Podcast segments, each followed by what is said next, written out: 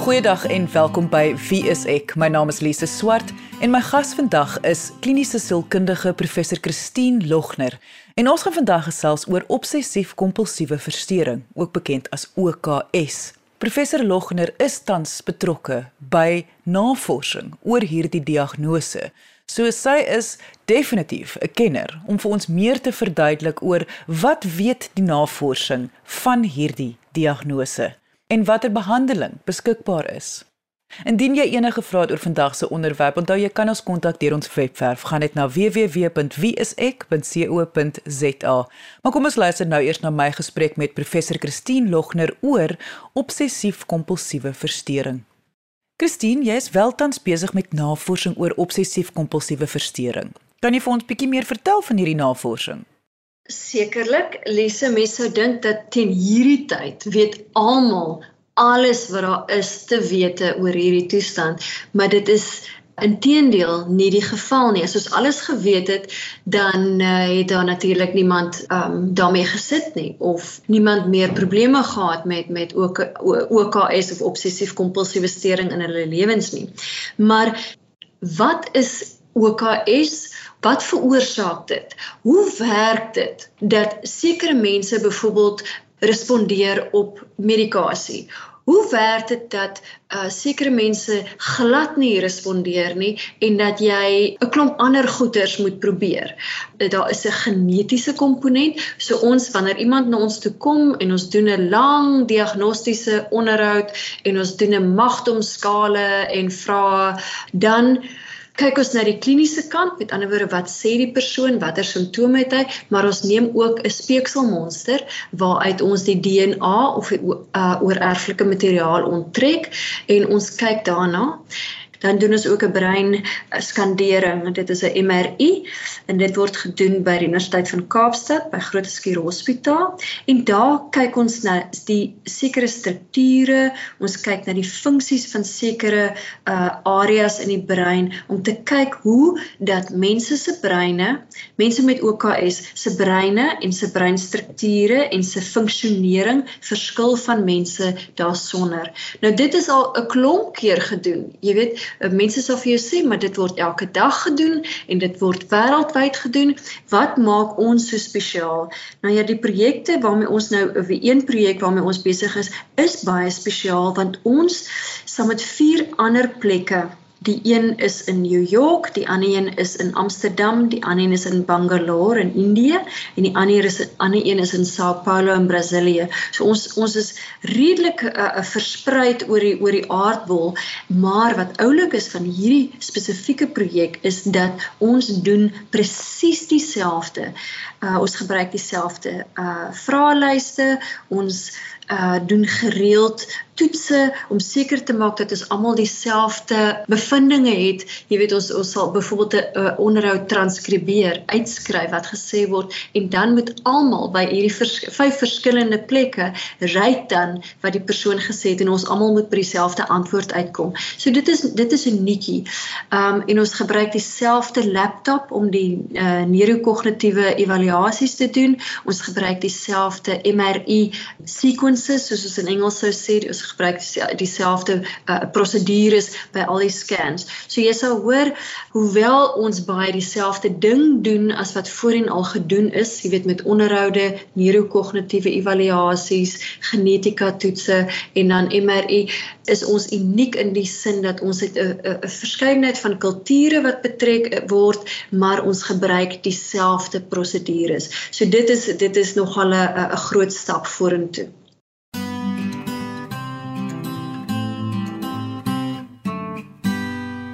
Christine, behalwe dat mense altyd iets nuuts moet leer en kan leer van 'n diagnose. Hoekom spesifiek OKS? Hoe hoekom word daar soveel tyd aan hierdie navorsing spandeer?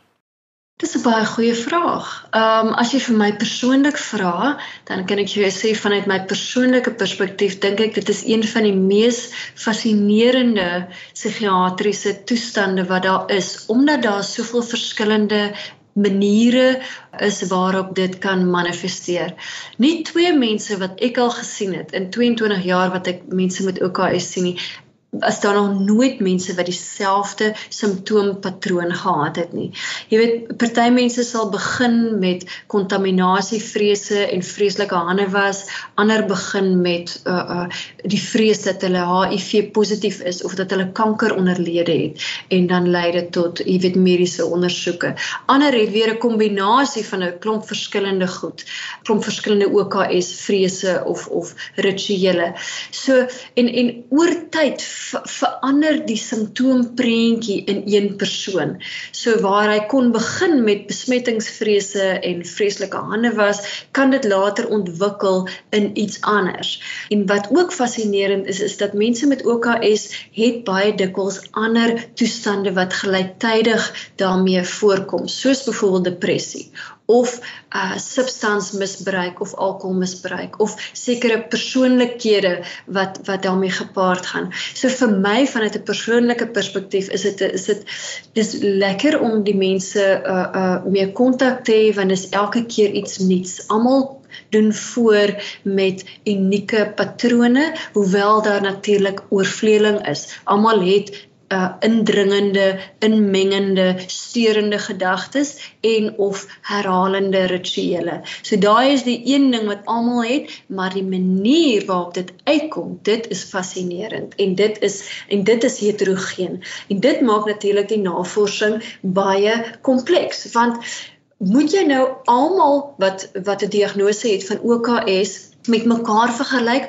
of moet jy eerder net kies? Die ouens wat besmettingsvrese het en vreeslike hande was moet jy nou net daai klein subgroepie met mekaar vergelyk. Jy weet so so ehm um, dit dit dit bly interessant en daar net soveel antwoorde soos wat 'n mens al oor tyd gegenereer het soveel vrae bly daaroor. Jy luister na wie is ek op RSG So wat jy sê is, die simptome gaan altyd min of meer dieselfde wees, soos 'n basislyn. Maar hoe hulle hulself voorgeef gaan verskil van persoon tot persoon. So kan ons dan gesels oor die verskillende vorms van OKS, die die die verskillende areas. Reg. So, jy moet nou voordat ek begin met julle in gedagte hou dat baie mense doen met 'n wye verskeidenheid van simptome voor. So byvoorbeeld Ons praat van simptoomdimensies in in OKS. En die eerste een waarna ek dink is byvoorbeeld is ehm um, wat ons in Engels sê harm related worries. Harm related die die die indringende of inmengende of steurende gedagtes dat iets slegs kan gebeur met my of met mense na aan my. En dit maak mense geweldig angstig. Jy weet as hulle as hulle dink dat iets slegs kan gebeur met my ma, Daarom moet ek 'n sekere gebed oor en oor opsê of ek moet sekere woorde herhaal of ek moet oor en oor dinge gaan check. Jy weet ek moet die deure oor en oor, ek moet die met die kar, ek moet die alarm, al daai goeders oor en oor doen. So dit verwys na die harm related worries, die harm related OKS dimensie en dit het het 'n sekere 'n uh, uh, kompulsie patroon. Dit klink nou vreeslik ingewikkeld, maar basies die mense check en hulle bid en hulle herhaal om die skade te voorkom. 'n Ander dimensie wat 'n mens kry in OKS is byvoorbeeld die besmettingseenheid, die vrees dat jy HIV positief gaan raak, dat jy gaan COVID-19 opdoen. Ehm um, die vrees vir kieme en veiligheid. En dit gaan gepaard met sekere ritueeltjies soos hande was, uh jou lyf was op 'n sekere manier, kaste afwas, borde, koppies op 'n sekere manier hanteer, daai tipe van ding. 'n Ander dimensie van OKS is byvoorbeeld die een wat baie mense verwar met 'n ander toestand wat ek nou-nou gaan noem. Dit is die obsessie met simmetrie en orde en netheid en dinge moet net so wees en dit moet perfek wees. Nou baie belangrik in OKS is hierdie behoefte dit lei tot geweldige distres, vermorsing van tyd en die herhaling oor en oor. Jy weet jy het klaar jou lesenaar reggepak, nou moet dit weer wees. Party mense meet selfs die hoeke dat dit presies 90 grade lê en hulle raak so besig daarmee dat hulle by niks anders uitkom nie. Ehm um, hulle versaak verhoudings, hulle versaak hulle werk. Hulle het geen van nie want hulle is net besig om dinge oor en oor en oor te doen omdat dit moet simmetries en perfek wees. reg. Dan daar is byvoorbeeld 'n ander dimensie van OKS wat ons noem die seksuele ene of of godsdienstige een waar mense geweldig steurende gedagtes kry oor byvoorbeeld seksuele geweld of pedofiliese gedagtes of so. Maar dit is geweldig ontstellend en dit lei tot jy weet kompulsies soos oor en oor bieg en oor en oor bid en oor en oor Bybel lees. Maar jy weet tot die ekstreem dat daar niks anders meer gedoen word nie want alles word gedoen om hierdie gedagtes weg te kry Dan is daar ook 'n OKS dimensie wat te doen het met opgaar. Daar's baie mense wat wat obsessief raak oor hou van goedjies. Hulle kan niks weggooi nie. Hulle is bang. Uh hulle gooi 'n uh, soos 'n uh, um 'n memory weg as hulle 'n brief weggooi. Hulle gooi uh uh jy weet hulle sal byvoorbeeld um simpel goed soos byvoorbeeld tandepasta buisies of die proppies van bottels moet hulle hou. Hulle weet nie hoekom nie, maar dit moet gehou word. So so jy kan hoor daar's soveel verskillende tipes uh OKS simptome wat van kan voorkom en en mense verskil in die hoeveelheid of die mate waarin elkeen van hierdie by hulle voorkom. Christine, wat ek hoor is hoe mense kan dalk rotines hê, maar dit beteken nie hulle is diagnoseerbaar met uh OKS nie. Dit gaan oor die distres wat veroorsaak word. Dit gaan daaroor dat jy dit nie kan stop nie, dat jy het nie uh uh jy het geen beheer daaroor nie. Heeltemal reg. Ek dink mense se die mate van beheer verskil um van persoon tot persoon en oor tyd by dieselfde persoon. Um so so dit gaan oor die distres. Heeltemal reg. Onthou ons almal het nou en dan steurende gedagtes of steurende gedagtebeelde. Jy weet waar jy byvoorbeeld 'n 'n kar ongeluk sien en daar kry jy die beeld van dalk lê iemand lank dalk is lê iemand langs die kar of jy kry 'n steurende gedagte van wat as almal dood is. Jy weet soos almal kry dit, die verskil is net by OKS hak dit vas. Daar hak iets vas persoon kan nie ontslaa raak van die gedagte nie. Hulle kan dit nie ehm um, laat gaan nie. Daar moet gecheck word, daar moet weer en weer daaroor gedink word ensovoorts. So dit gaan oor die distres, dit gaan ook oor die tyd wat daaraan gaan. Jy weet om 'n diagnose van OKS te regverdig, moet hierdie gedagtes en of rituele moet vir ten minste 'n uur daar wees uh voordat jy 'n diagnose kan oorweeg. So definitief die distres en dan funksionele inperking. Jy weet as die persoon nou nie meer by die werk kan konsentreer nie want hulle is heeltyd besig om netjies te maak of om te check. Hoe verskil 'n diagnose van obsessief-kompulsiewe verstoring van 'n diagnose dan van verslawing? Dis 'n baie goeie vraag en dis 'n ingewikkelde antwoord.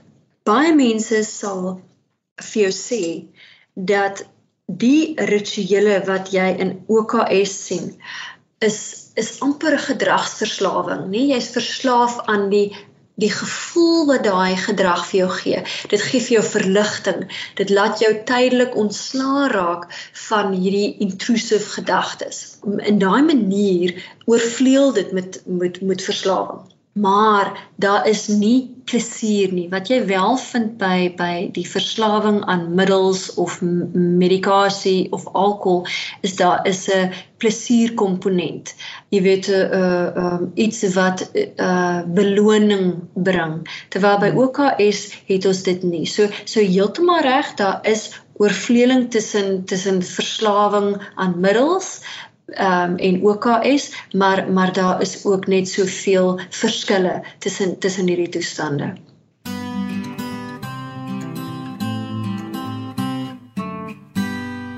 Mense wat diagnoseerbaar is met OKS, is hulle bewus van hulle gedrag en gedagtes of dink hulle dit is hoe almal dink en voel? Met ander woorde, het hulle insig oor wat aangaan?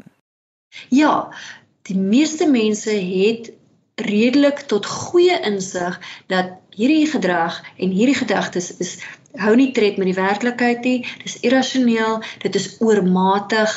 Ja, maar daar is mense wat twyfel. Jy weet, is dit nie is dit nie dat ander mense verkeerd is nie. Jy weet, OKS uh, uh, pasiënte sê dit kos nou weet almal wat hulle al die tyd nog geweet het.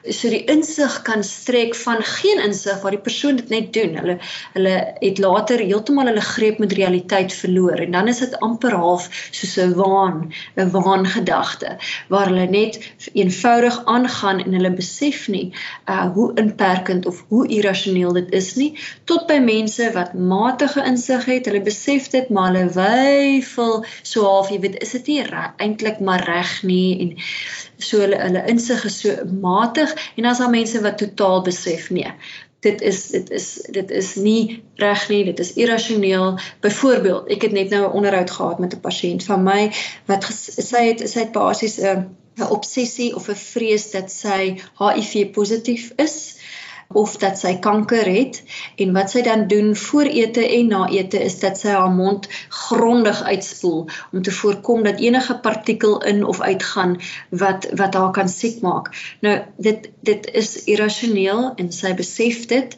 maar sy kan nie ophou om dit te doen nie. Sy moet dit doen anders kan sy nie eet nie. So so dit gee vir jou indikasie dat jy weet OKS is geweldig ontstellend want die gewoonlik het mense goeie insig maar hulle in hulle in hulle besef hulle hoef dit nie te doen nie maar hulle voel hulle moet. Was dis tog Christine, hierdie mense moet vreeslik geïsoleer voel en seker ook wees want hulle steek dit seker weg en en en voel dalk skaam of selfbewus daaroor. Ja, ja, heeltemal reg. Daar's daar's baie mense wat wat wat OKS beskryf as the hidden illness, the secretive illness.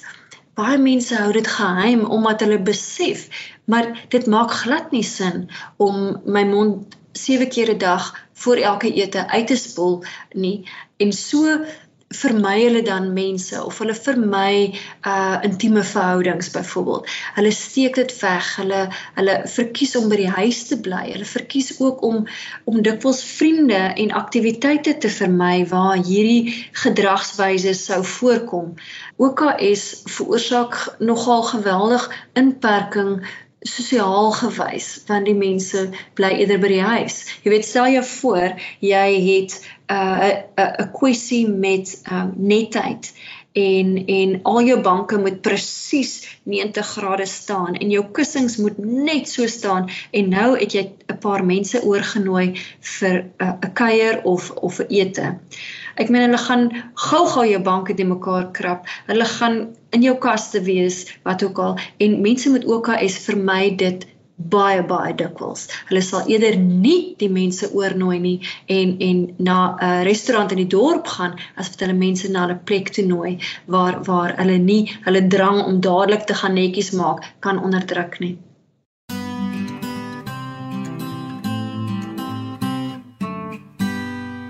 Behandeling, uh, werkbehandeling. Hoe is daar hoop? Dit is 'n uitdaging. Ek kan nie leuns vertel nie, maar ek het al suksesstories gesien. As die persoon met OKS by die regte mense uitkom, gediagnoseer word en behandeling probeer wat bewys is om te werk vir OKS. Met ander woorde, optimale behandeling weet ons is uh, 'n kombinasie van antidepressante teen 'n relatief hoër dosis as wat jy byvoorbeeld vir depressie sou gebruik en uh, psigoterapie wat ons noem kognitiewe gedragsterapie en 'n baie spesifieke kognitiewe gedragsterapie wat insluit blootstelling, blootstelling aan die dinge wat jou angstig of bevrees maak en dan die voorkoming van rituele. Jy mag nie jou rituele uitvoer wanneer jy gekonfronteer word met daai ding wat jou angstig of gespanne maak nie. So so daar is hoop. Mense met 'n obsessief-kompulsiewe verstoring, diagnose, wat kies om nie professionele hulp te kry nie. Kan hulle self die kompulsies probeer beheer? Ek dink mense kan hulle self flous letterlik flous en en dit kom veral in by mense wat wat minder insig het. Uh hulle besef nie heeltemal hoe inperkend hierdie toestand is nie. Hulle besef nie dat hulle byvoorbeeld werk in 'n in 'n in 'n in 'n posisie byvoorbeeld wat heeltemal benede hulle intellektuele vermoëns of hulle opleiding is nie. So so dikwels flous mense hulle hulle self. Um ek het gister 'n ouetjie gesien wat nou matriek skryf en as ek met sy ma praat en as ek met hom praat, is dit amper asof ek met twee van twee verskillende invalshoeke kyk. Sy ma sê nee, hy spandeer maklik 3-4 ure aan hande was en in die badkamer bly per dag. Hy sê vir my, Ja, dis al right. Hy hy doen dit al minder as 'n uur. Hy het, hy het, hy het nie eintlik behandeling nodig nie. Hy is okay. Hy doen hy doen goed. Ehm um, so so dit gee vir jou 'n idee dat baie keer is mense het mense nie baie goeie insig in in presies hoeveel inperking daar is nie en dan vermy hulle die behandeling. En ek dink dit kan dikwels erger raak. Partykeer is dit erger, partykeer is minder erg en dis veral in tye van stres wat OKS natuurlik baie meer word. Nou, die een ding is met ander woorde die insig en die ander ding is finansies. Finansies is mynsiens 'n geweldige groot inperking of 'n probleem want nie almal van ons kan 'n private sielkundige bekostig of 'n psigiater nie. Nou dit is seker 'n onderwerp vir 'n ander dag, maar dit is ook 'n probleem hoekom mense nie gaan vir hulp nie. Maar ek het ook weer weer ervaring van waar gewone algemene praktisyns wat nie 'n psigiater is nie, maar maar wel deernis en 'n belangstelling het in OKS waar hulle wel al 'n groot verskil gemaak het met wat hulle kan voorskryf. So so daar's baie maniere om by behandeling uit te kom al is dit nie noodwendig ja, uh, presies volgens die handboek nie.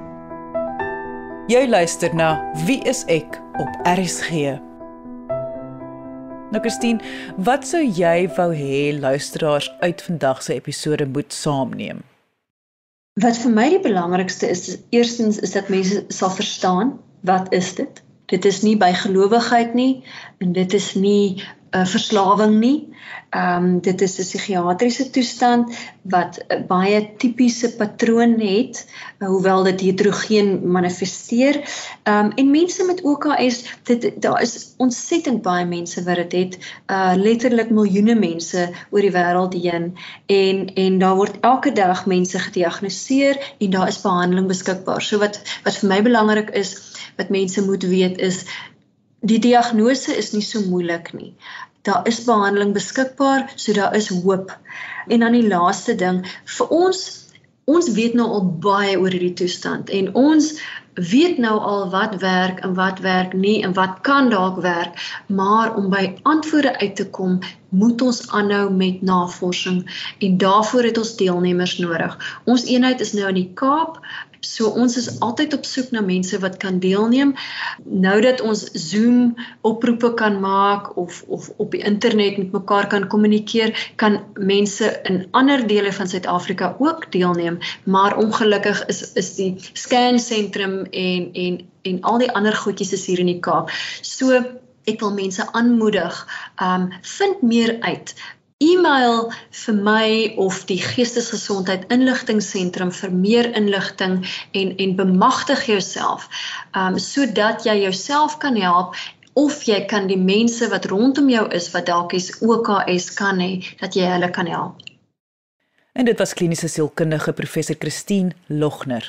Indien enige iemand vir professor Logner wil kontak oor hierdie navorsing wat sy betrokke is by oor obsessief-kompulsiewe verstoring, kan julle vir my kontak deur ons webwerf gaan na www.viesek.co.za en ek sal jou help om in kontak te kom met professor Logner.